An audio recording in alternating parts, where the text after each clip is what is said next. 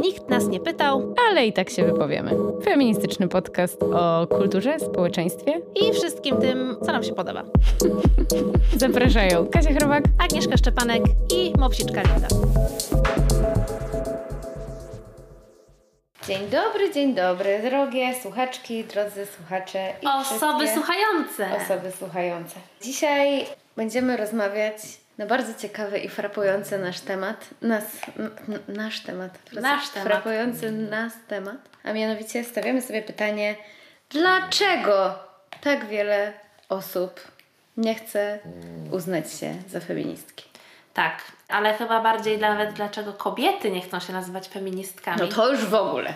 To już w ogóle, ale generalnie właśnie sobie uzmysłowiłam, że w toku naszych rozważań przygotowawczych to jednak osoba, osoby jest bardziej adekwatne, ale jednak wyszłyśmy od takiego punktu, gdzie, gdzie zastanawiałyśmy się, dlaczego te kobiety Sabotują, Sabotują. swoją własną sprawę.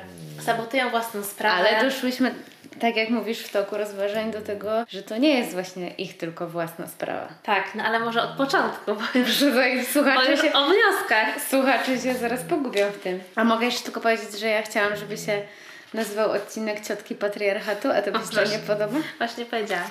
Powiedziałaś. No. Więc e, Ciotki Patriarchatu moim zdaniem super e, jest to jakby, jak to powiedzieć, super etykietka, żeby, żeby to nazwać, aczkolwiek trochę taka prześmiewcza. No właśnie taka etykietka, a ja nie lubię takich etykietek i dla mnie to jest takie trochę, jak, jak usłyszałam to od Ciebie, to sobie pomyślałam, że takie upupiające i że w sumie te ciotki, które, o których, po, które potrafimy sobie wyobrazić, które pytają nas, dlaczego nie mamy chłopa, albo żebyśmy poszły zrobić wujkowi herbatę, Tak.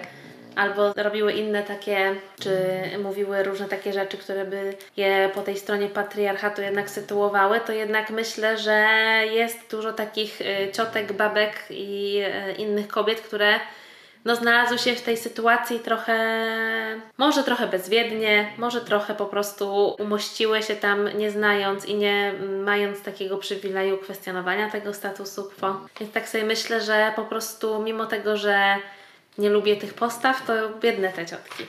Mhm, czyli współczujesz im? Ja jestem taka, no tak, no ja jestem cały czas na, na fali Bell Hooks, moja droga. Mienie się miłość do świata. I ja teraz po prostu uważam, że miłość to moje oręże. Bardzo dobrze. Więc ja po prostu się tak pochylam nad tymi ciotkami i bym chciała je przytulić. Okej. Dobra, Dlatego- ale rzeczywiście po, po, skoczyłyśmy już na sam koniec do wniosków. Przepraszam, to przeze mnie. No, bardzo proszę. Dobra, to od początku. Dobrze. Od początku jest tak. Chcemy porozmawiać o osobach, kobietach, które mówią, że feminizm jest twój. Nie chcą się utożsamiać jako feministki, feminiści. Mówią, że to głupota i że to jest niepotrzebne. Tak, i zastanawiamy się na fali ostatnich rozważań o tym, jak ten feminizm może zrewolucjonizować i obalić patriarchat. Zastanawiamy się, dlaczego są takie osoby, które są oporne wobec tej myśli feministycznej. I w sumie ja też zastanawiałam się nad tym, jak nazwać te osoby, i w literaturze występuje takie oto pojęcie jak sojuszniczki patriarchatu. I jeszcze parę lat temu wydawało mi się to określenie takie, że idealnie pasujące, ale w ostatnich latach, dwóch, trzech, słowo sojusznik, sojuszniczka, osoba sojusznicza jest taką, no ważną chyba figurą, Bardziej jeżeli pozytywną. chodzi o, o wspieranie różnych społeczności i spraw, które są dla nas ważne, a które niekoniecznie są na przykład naszym doświadczeniem. Więc pomyślałam sobie, że to sojusznictwo patriarchatu z jednej strony jest trochę przewrotne, ale z drugiej strony chyba nieadekwatne. Też dlatego, że sojusznictwo jest postawą świadomą, a to tak, a to, tak jak mówiłaś, te niektóre cioteczki to tak może trochę mają nieuświadomione do końca, że Tak mi się wydaje. utrwalają te, ten patriarchat. Tak, więc no generalnie tak wydaje mi się, że możemy sobie porozmawiać yy, i znaleźć na to odpowiednie słowo. Może skoro wyszliśmy od wniosków, przejdziemy przez ten proces, to może jak drugi, druga tura wniosków przyjdzie, to Pojawi się urodzi. nazwa. No więc to ja bym zaczęła od tego, że postawię taką tezę, Dawaj. że wiele kobiet nie chce być postrzegane jako feministki i mówią, ja nie jestem żadną feministką, dlatego że mają pewne stereotypowe postrzeganie feministek, albo boją się, albo nie mają takiego, ale boją się, że będą jakby utożsamiane właśnie z taką stereotypową feministką. Czyli jaką? Nieogolone pachy. Tak. Chłopa dawno nie miała. Tak. E, Nienawidzi mężczyzn. Tak. Chce przejąć i zdegradować wszystkie męskie role, które są jakby społecznie przypisane mężczyznom i w związku z tym zdegradować ich i po prostu pozostawić bez tego przypisanego im miejsca. Tak. I boją się, że właśnie feministki, jeżeli by, by opowiedziałyby się po stronie feministek, to nie mogłyby być już kobiece, albo nie mogłyby być matkami, nie mogłyby wybrać roli, nie wiem, osoby dbającej o dom i tak dalej.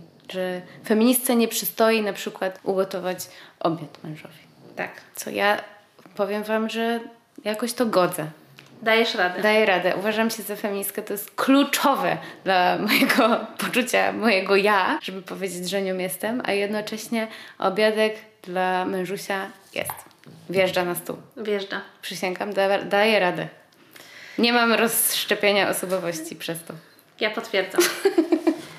No właśnie, no i, i te osoby, które boją się całego tego bagażu, który niesie ten feminizm straszny ze sobą, bardzo często ty z tymi łatkami gdzieś tam po prostu nie chcą się utożsamiać, ale gdyby je zapytać o takie kluczowe dla myśli feministycznej hasła, czyli równość pod kątem praw, równość pod kątem płacy, czy po prostu też kwestia szacunku się pojawiała w niektórych, y, niektórych czy to kampaniach, czy to postulatach ruchów y, antyfeministycznych i antykobiecych, no to dojdziemy do wniosku, że no jednak te idee, które są nam bliskie, no zazębiają się. I zastanawiasz się, skąd to, jakby mamy, wracamy do tego, do tego początku, czyli do tego, że jakby uniesienie bagażu słowa feminizm, tego co jest z nim skorelowane, co, za, co jest z nim sprzężone, jest dosyć trudne do udźwignięcia i wymaga jakiejś takiej odwagi. I czasami nawet taki statement jestem feministką, no wiąże się z tym, że no musisz liczyć się z jakąś reakcją, czasami odpo- y, musisz odpowiedzieć na te reakcje. No i nie każdy, nie każda y, z nas jest na przykład na taką konfrontację gotowa, a i po prostu na przykład z takim feminizm, feminizmem nie utożsamia się głośno, bo wiążecie się to na pewno z przynajmniej no w Polsce, ale w ogóle no w takim naszym kręgu kulturowym na pewno bliskim, który gdzieś tam znamy, z, z tym, że trzeba to słowo ciągle oswajać. Tak. I same też zastanawiałyśmy się, przygotowując się do tej rozmowy, czy może to jest tak, że potrzebujemy nowego słowa. No. Że feminizm w ogóle może to jest słowo, którego się nie da odczarować i może po prostu czas wymyślić nowe. Tak.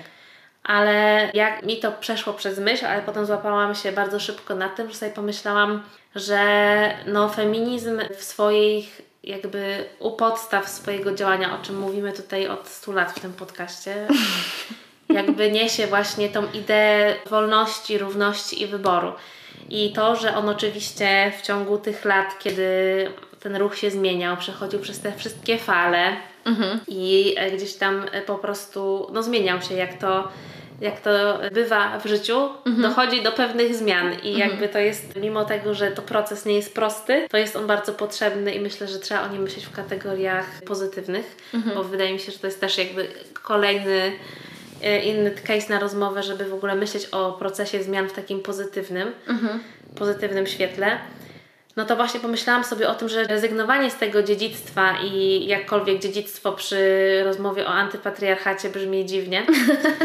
I całej tym pracy i odwadze, która została włożona przez y, dzielne kobiety, dzielnych, y, dzielnych mężczyzn, sojuszników i sojuszni, y, sojuszników w to, żeby tam wywalczyć te prawa wyborcze, prawo do edukacji, prawo do po prostu bycia sobą, bo o ten wybór po prostu chyba chodzi od zarania dziejów i o to, żeby po prostu ta równość i ten podział na binarny świat gdzieś tam znieść. No to pomyślałam sobie, że w imię tego, że boimy się jednego słowa, które jest otoczone pewnym wianuszkiem stereotypów, no to w ogóle nie, nie podoba mi się taka propozycja związana z tym, żeby to wszystko odrzucić i żeby do kogo, kogoś do czegoś przekonywać innym słowem, no bo jest, tutaj mógłby się czaić kolejny argument związany z tym, że wymyślanie nowego słowa na coś, co dobrze znamy. Mhm. I w sumie myślę sobie, że to jednak nie ma za dużego sensu. No ale I myślę, zobacz, że to słowo trzeba odzyskać po prostu. Ja właśnie mam takie, mam trochę tak, że się z Tobą zgadzam, no bo mówię, dla mnie to jest oczywiste jakby składowa mojej tożsamości, że jestem feministką, ale myślę sobie też, że to co mówisz właśnie, że ten feminizm ewoluował, nie? Mhm. I że dzisiaj jest zupełnie inny niż mm, właśnie był kiedyś. I że to, jaki był kiedyś, te, te pierwsze fale, też w pewnym sensie dla niektórych grup są przyczyną dla której się nie utożsamiają z feminizmem. Mhm. Bo na przykład czarne osoby się nie utożsamiają z tymi pierwszymi falami, gdzie tam bardziej uprzywilejowane, białe, bogate kobiety walczyły o swoje, wiesz... O swój interes. O swój interes zupełnie inny, nie? Albo to, że dzisiejszy feminizm jest mocno, przynajmniej taki jak my go rozumiemy i jaki staramy się praktykować, nie? Jest bardzo właśnie sojuszniczy wobec społeczności LGBTQ+, że jest, stara się rozwalić tę binarność, nie? Mhm. No to skoro stara się rozwalić binarność, no to gdzie tutaj jest miejsce na jakieś feminine, masculine, no nie? Mhm. Że może to jednak trzeba słowo odłożyć do lamusa, no nie? Z trzeciej strony to to jest takie, no no to jest bardzo tożsamościowe, nie? Więc jeżeli kobiety tutaj jednak cały czas są na tym mhm. froncie i walczą o swoje prawa, ale nie tylko właśnie o swoje, no to, no to, no to słowo nadal jest walid, nie? No jest, no i właśnie wydaje mi się, że ta zmiana jest wpisana w każdą taką herstorię i to, każdego że, ruchu. Każdego mhm. ruchu i tego, że zaczynamy od czegoś i te początki są zalążkiem do dalszych działań i bez tych początkowych działań nie zadalibyśmy sobie później pewnych pytań i bez popchnięcia pewnych spraw nie zobaczylibyśmy, że jeszcze jest te marginesy, o których na przykład pisze Bell Hooks, mhm. na których się dzieje dużo więcej mhm. i na których są bardzo ważne głosy. Tak. I no, wydaje mi się, że trzeba spojrzeć na tą zmianę, która się dokonała i zobaczyć, czym jakby jest ten feminizm dzisiaj a nie rozpatrywać to, czym kiedyś był i na przykład jakie popełniono mhm. błędy, żeby się z tym nie utożsamiać, no bo chyba ta zmiana idzie do przodu i jest też odpowiedzią na po prostu potrzeby osób, które z tych marginesów na przykład przemawiają mhm. do nas i, i mówią o tym, że no, kwestie po prostu wolnościowe i równościowe są dla nas wszystkich bardzo ważne. A skoro o w zeszłym tygodniu mówiłyśmy o rewolucji miłości, o tym, mhm. że by ten patriarchat w końcu sczezł. Tak. No to potrzebna jest tutaj e, nam rewolucja, w której ramię w ramię pójdziemy z mężczyznami. Tak. No i oczywiście tutaj trzeba zrobić pewnie by bardzo długi przypis i może to jest materiał na kolejny odcinek, mhm. no bo oczywiście Bell Hooks, jak mówiłyśmy tutaj, idzie pewnym uproszczeniem, mówiąc o heteroseksualnym mężczyźnie, o różnych kolorach skóry, ale jednak no, raczej mówi, odnosiła się w bardzo niewielu fragmentach do homoseksualnego doświadczenia, które myślę jest trochę inne mhm. i myślę, że oczywiście tutaj trzeba zrobić duży przypis i jakąś taką bardziej aktualną, włączającą narrację zrobić, ale no sama ta myśl związana z obaleniem patriarchatu mówi o tym, że wszystkim nam dzieje się źle. Tak.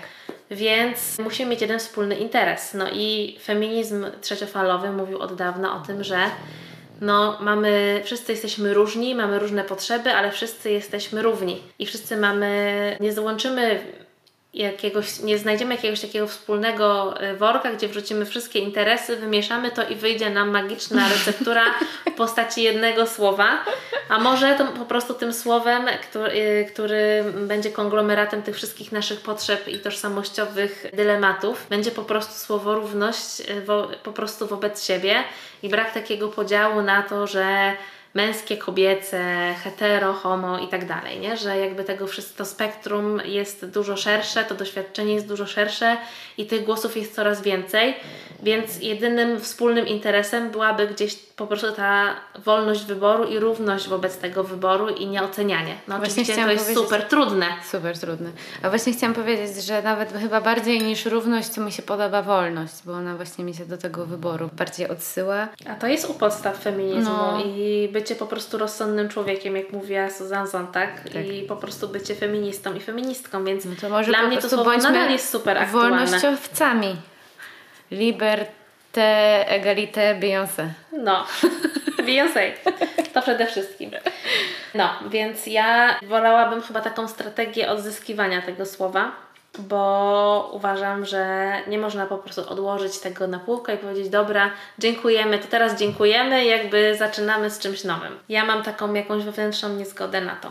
Okej. Okay. No to trzeba byłoby je też jakoś tak to słowo odzyskać i tak z piedestału jakiegoś zrzucić, bo mi się wydaje, że ono też się wielu osobom kojarzy tak bardzo intelektualnie, no nie? Że na przykład mhm. gdzieś tam klasa powiedzmy robotnicza, nazwijmy to, chociaż nie wiem, czy w Polsce o klasowości, to chyba to jest w ogóle też materiał na inną dyskusję, no nie? Ale że dużo osób też powie, że nie, że to są jakieś wymysły w ogóle, wiesz, mhm. intelektualistów, nie? I że to za mądre dla mnie i że jakby nie, nie pójdą razem z nami właśnie ramię w ramię po tę wolność. Może dlatego. No może dlatego, no ale też y, no chyba dlatego tak ważne są te wszystkie kampanie, mhm. bardziej o, zasięgu globalnym, ale i też takie lokalne, które po prostu odczarowują to i po prostu wykorzystują i włączają takie osoby, które potrafią rozmawiać, mają, oczywiście to wymaga takiej cierpliwości, no bo jakby no ludzie raczej są rozczarowujący i denerwujący, jakby nie ma się co tutaj krygować. To jest challenge,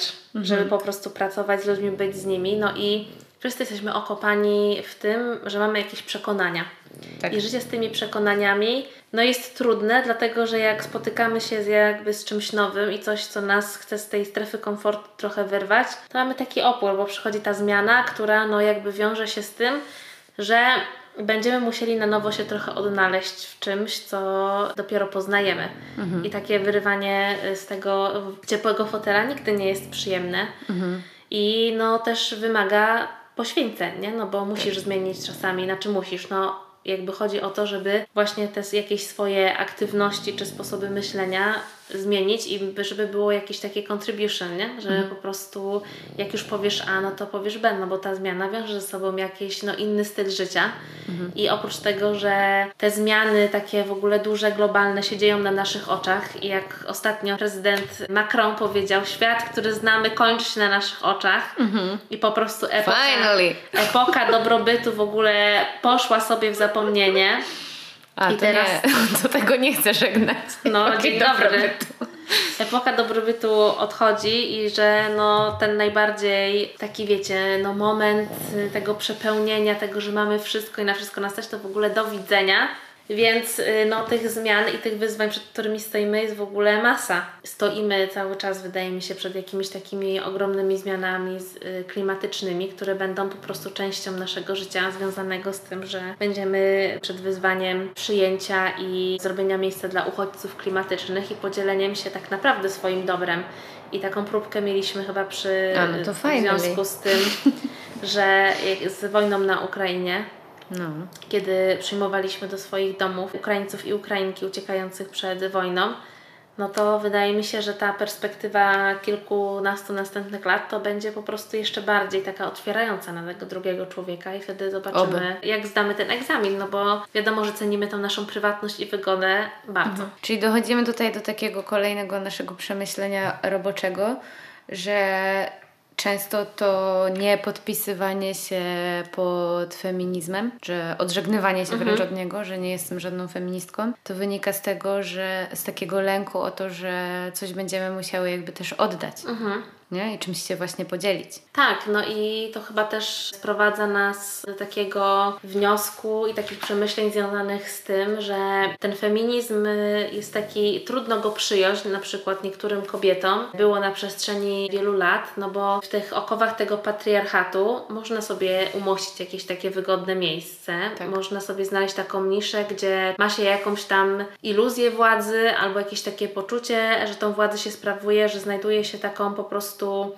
tą niszę, która jest uzupełnieniem tego patriarchatu, jak na przykład mhm. ta funkcja opiekuńcza kobiet w domach i opiekowanie się tym ogniskiem domowym i tak dalej. I te takie funkcje opiekuńczo organizacyjne związane z tak. taką organizacją życia w domu. Że może nie jestem głową rodziny, ale jestem szyją. Dokładnie. Która obraca tą głową. No i jak przyszły te kobiety, które mówią, że w ogóle nie musisz tego robić, że możesz mieć wybór, i w ogóle w jakimś tam sensie na pewno w tych narracjach była taka stygmatyzacja kobiet, które jednak mówią, że one dziękują za taki wybór. bo po prostu na przykład spełniały się w takiej Mhm. roli, albo po prostu no, były niegotowe na tę zmianę. Mhm. Nie było to ich częścią, no bo no, ja sobie jakby nie wyobrażam sobie świata, w którym moja babcia po na przykład wysłuchaniu 100 odcinków naszego podcastu mówi macie rację. Jakby w ogóle, że do niej cokolwiek dotrze. Ona ma już w ogóle tak zupełnie inaczej myśli o świecie i przeżyła tyle tych swoich lat, że jakiekolwiek rozmowy, no jakby ona nawet nie ma tej możliwości usłyszenia tego, co ja do niej mówię, niestety. I myślę, że jest dużo jest, i było i takich, i jest takich osób, które są, ale że jest jakby wciąż chyba taki potencjał na to, żeby tą rozmowę rozpocząć. No, ale jak sobie myślę o babciach naszych na przykład, to myślę sobie, że one właśnie odrzucą to słowo, ale jak z nimi byś rozmawiała o postawach czy wyborach, to może jednak by było to miejsce na płaszczyznę, nie? Porozumienia. Bo na przykład jakbyśmy wróciły do naszego odcinka o tym serialu Miss America, to tam właśnie były te kobiety, które protestowały przeciwko Tak. Feministkom i one zobacz, że też były bardzo tak naprawdę feministyczne, że wzięły sprawy w swoje ręce. Sama, sama organizacja nastąpiła, zabierały głos publicznie. Wiesz, że tak naprawdę jakby też ta ich postawa w pewnym sensie była feministyczna, no nie? Chociaż, bo one też broniły jakby swojej wolności, do swoje, swoich wyborów, do tego swojego miejsca, które tam sobie, tak jak mówisz, umościły, nie? One nie chciały sobie dać czegoś zabrać i jakby stanęły w obronie tego, nie? Więc tak, mówię, taka pokrętna jakby logika, Tak, że, oczywiście. że, że pokrętnie jakby dochodzą do tego, że ich postawa była w pewnym sensie feministyczna. Tak, znaczy wiesz, ja nie twierdzę, że moja babcia na przykład tego, że ona nie zrozumie na przykład jakby takiego e, współczesnego feminizmu włączającego, mówiącego o różnych głosach i tych poszczególnych głosów, to nie twierdzę, że w swoim życiu nie miała takich feministycznych przebudzeń czy w ogóle zachowań, bo myślę, że, że, że było pewnie wiele takich sytuacji w jej życiu, ale bardziej chodzi mi o to, że bardzo dużym wyzwaniem na pewno jest to, żeby feminizm, żeby to było takie słowo, które no, jest powodem do dumy i czy, czy to jest w ogóle możliwe do zrobienia, ale z drugiej strony w ramach tego feminizmu zrozumienie i brak oceniania tego wyboru, o którym mówimy, o tej wolności do wyborów jest też jakby kolejnym wyzwaniem, bo z jednej strony Wydaje mi się, że takim samym szacunkiem i admiracją możemy na przykład darzyć osoby, które i kobiety, które walczą na przykład podczas strajków kobiet, ale też które wspierają ten strajk, nie będąc po prostu na samym y, strajku, bo na przykład nie czują się aktywistkami takimi i nie czują się w, w tłumie i tak dalej. I uważam, że tutaj nie można oceniać ty, tych postaw w taki sposób, że albo jesteście z nami, albo przeciwko nam, albo jesteście tutaj na tym placu, albo nie. I to jest też bardzo duże wyzwanie. Tak, tak, to na pewno. no. Z tym, żeby nie ulegać tej takiej magii tego plebiscytu, który gdzieś tam jest na tą najlepszą feministkę, i która z nas, y, czy który z nas jest bardziej feministyczny i jakby gdzie jest po prostu ten y, taki zbiór zasad, do których trzeba się do, dopasować. Więc z jednej strony teraz tak sobie myślę, że ktoś mógłby sobie pomyśleć, że no dobra, to ten feminizm jest wszystko i nic.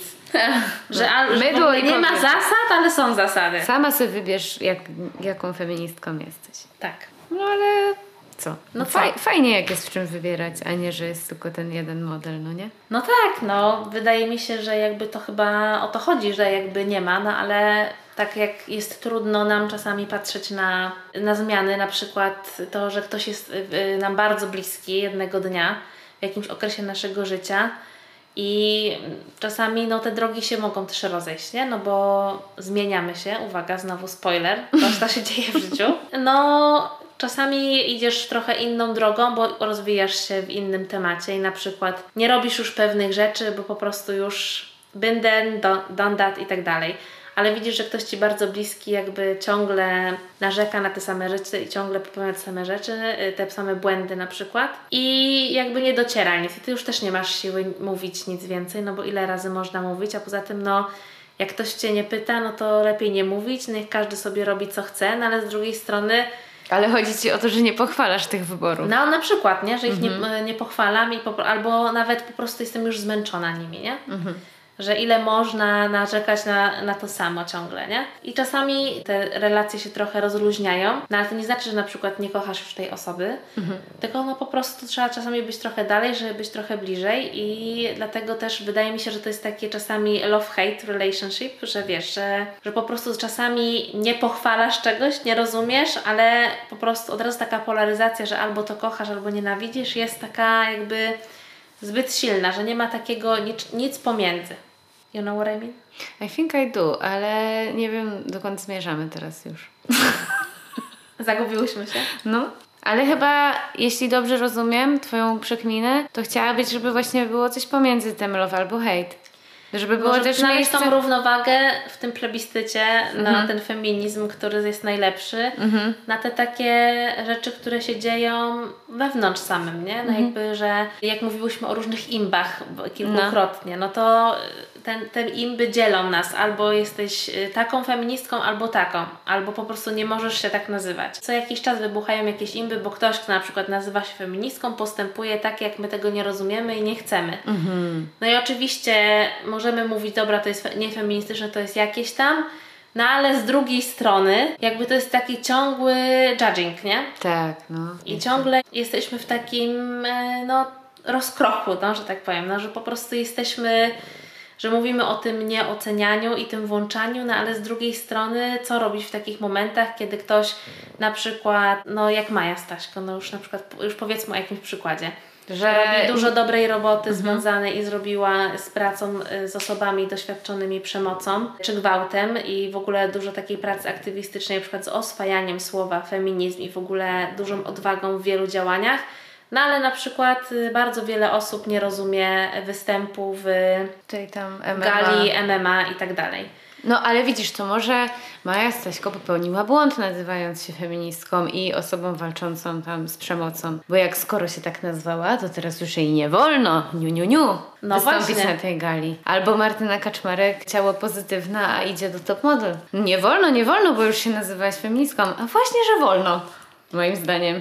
No i to, gdzie jest ten sąd, który to rozstrzygnie? W twojej głowie. Gdzie jest ten y, sąd najwyższy feministyczny? Gdzie on ma siedzibę? Gdzie jest ten młotek, który zasądzi i powie nam jak jest? No to jest wszystko bardzo trudne, wydaje mi się. Że z jednej strony łatwo to wszystko sobie zaszufladkować, podzielić dobra, to przeważa za tym, co za tym, no ale z drugiej strony, no to jest bar- jakby ocenianie jest super łatwe i jakby mówi- i mówienie tego, kto kim jest albo kto kim może być, ale dla mnie to w ogóle nie jest wcale takie proste. No ale to jest w ogóle bardzo, patrz, wypłynęłyśmy właśnie na bardzo fajną, ciekawą wodę z tego naszego zagubienia, bo to jest chyba clue w ogóle też tego, że wiele osób też może nie chcieć się tak nazywać, nie chcieć mówić, że jest feministką właśnie z obawy o ten lincz społeczny, że pod, potkniesz się albo dokonasz jakiegoś wyboru, być może trudnego i część ludzi opowie się za tobą, ale część ludzi cię zlinczuje, nie?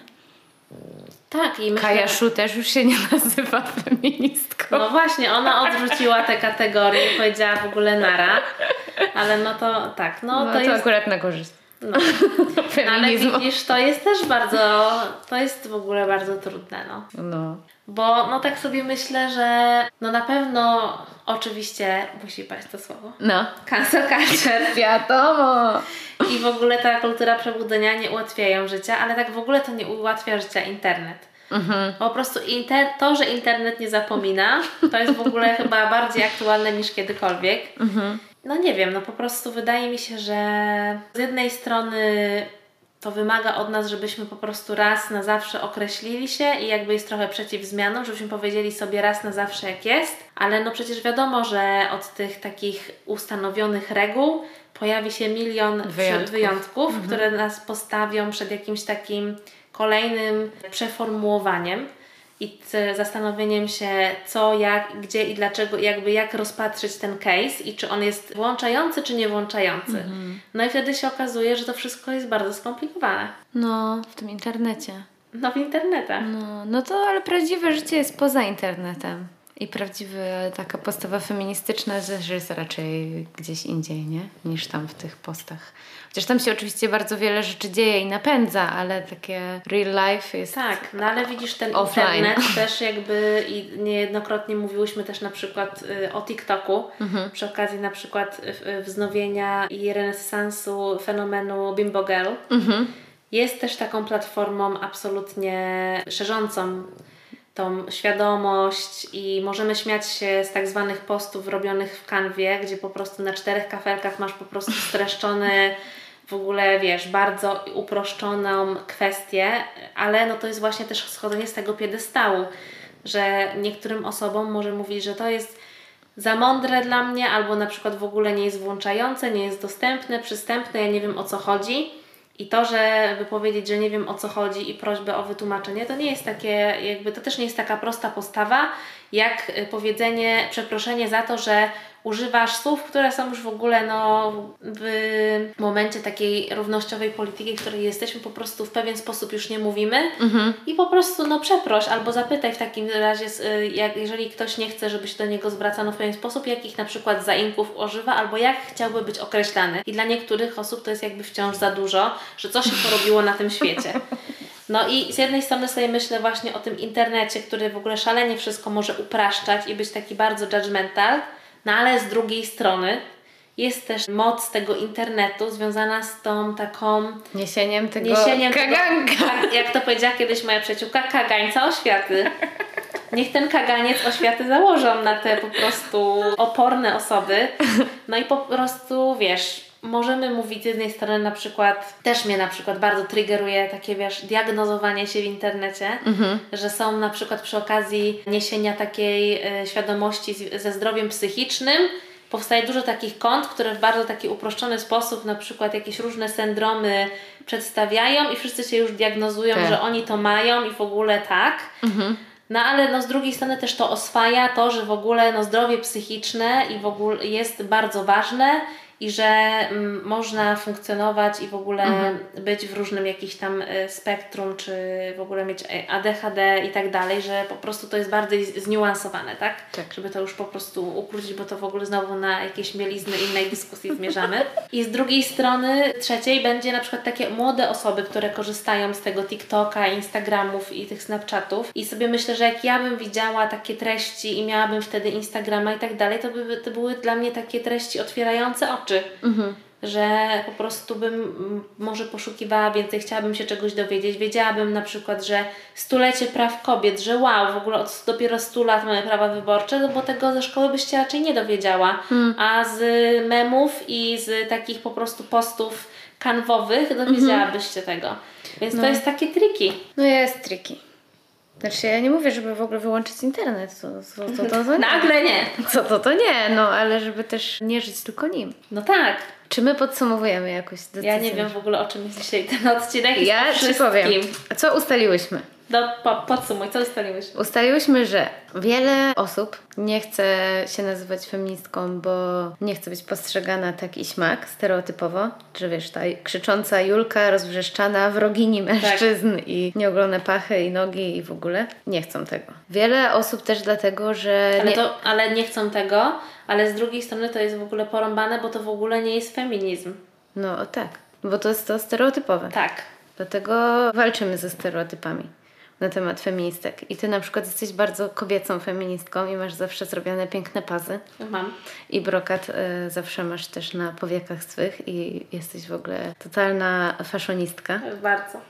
I co? I to ci nie przeszkadza być feministką? Absolutnie. No, a ja już się przyznałam, że obiadek dla męża wjeżdża. I też jestem feministką i można. Można. I też nie jesteśmy wroginiami mężczyzn, bo Nie, kochamy, kochamy mężczyzn. A po Bell Hooks to jeszcze bardziej ich kochamy. Dokładnie. Więc to pierwsze, ustalone, obalone. No, rozpoznane. Ro- o, rozpoznane. Po drugie, są też takie osoby, które gdzieś tam się umościły w tym patriarchacie i boją się zmian, boją się rewolucji, boją się stracenia jakiegoś swojego przywileju. Nie? Tak, i tego, że na przykład ta rola, z której zostaną wytrącone, sprawi, że nie będzie dla nich tej, e, jakiegoś nowego miejsca. Albo że to nowe miejsce będzie po prostu degradujące. I w ogóle wydaje mi się, że myślenie w takiej kategorii w ogóle hierarchii jest też takie totalnie do obalenia. Bo po prostu no to, co właśnie proponuje feminizm, to jest właśnie jakaś równość pod kątem też takiego w ogóle egzystowania wspólnego, bo wtedy nie trzeba będzie myśleć o tym, jakby kto jest wyżej, niżej i tak dalej, tylko po prostu Dokładnie. partnership. Dokładnie. Więc Potem jest po prostu wymiana kompetencji i czasami ktoś jest słabszy i trzeba mu po prostu trochę więcej dać i po prostu to jest wymiana dóbr, którymi dysponujemy. I ja znam wielu mężczyzn, którzy są w ogóle super opiekuńczy, a znam też takie kobiety, które w ogóle nie mają takich Tego tych instynktu. skilli. No, no, no. Czyli tutaj w punkcie drugim możemy powiedzieć, że wiadomo, to jest scary, rewolucja, Rewolucja. ale będzie dobrze. No chyba, nie? I czasem muszą te zgliszcza być, żeby potem ładnie rosło. Tak. No i co jeszcze ustaliłyśmy? A jeszcze, Że- że ten lęk właśnie przed oceną, ale to i ten plebiscyt na najlepszą feministkę, nie? by No to jest jednak sprawa, taki. która, która bardzo powraca. I pamiętasz, jak nagrałyśmy ten odcinek jakoś w jednym z pierwszych y, w ogóle naszych odcinków podcastowych, Mhm. To w ogóle on był jakiś super popularny i mi dużo w ogóle koleżanek powiedziało po tym, że to jest w ogóle Linda, temat. Linda myje teraz łapki, więc jeżeli jest jakiś bardzo dziwny mikrofon. odgłos, to są, my, to są łapki myte. To jest teraz bardzo ważny moment dla Lindy. Teraz ona musi koniecznie je umyć teraz.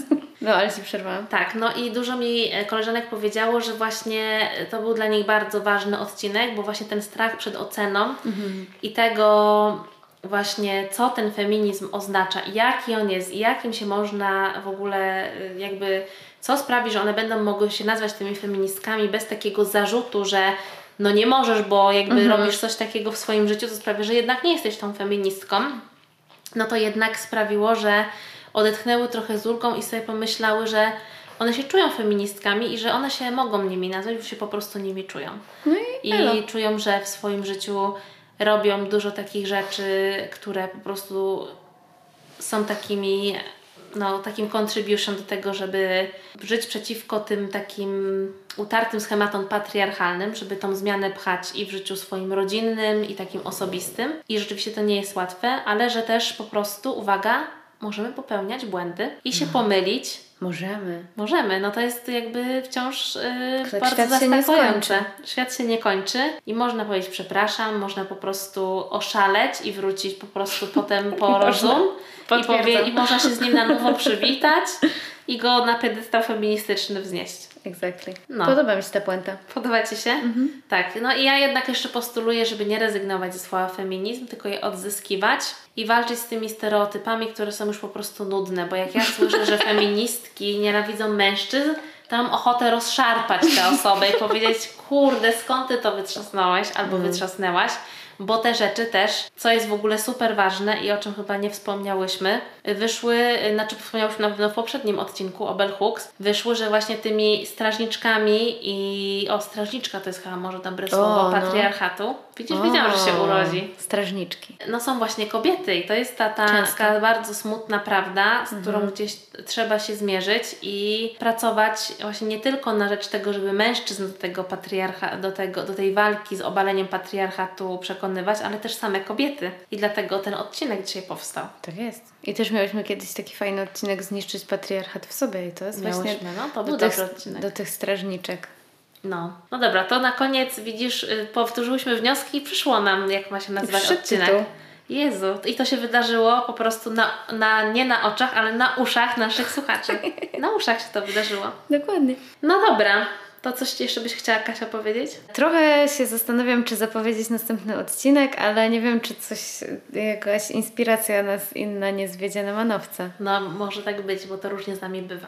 Ale patrzę na Twoim oknie na figurkę królowej Elżbiety i ona macha do mnie. Aha, bo słoneczko na nią? Nie, nie. Tak, jak na nią macha słoneczko, to ona macha.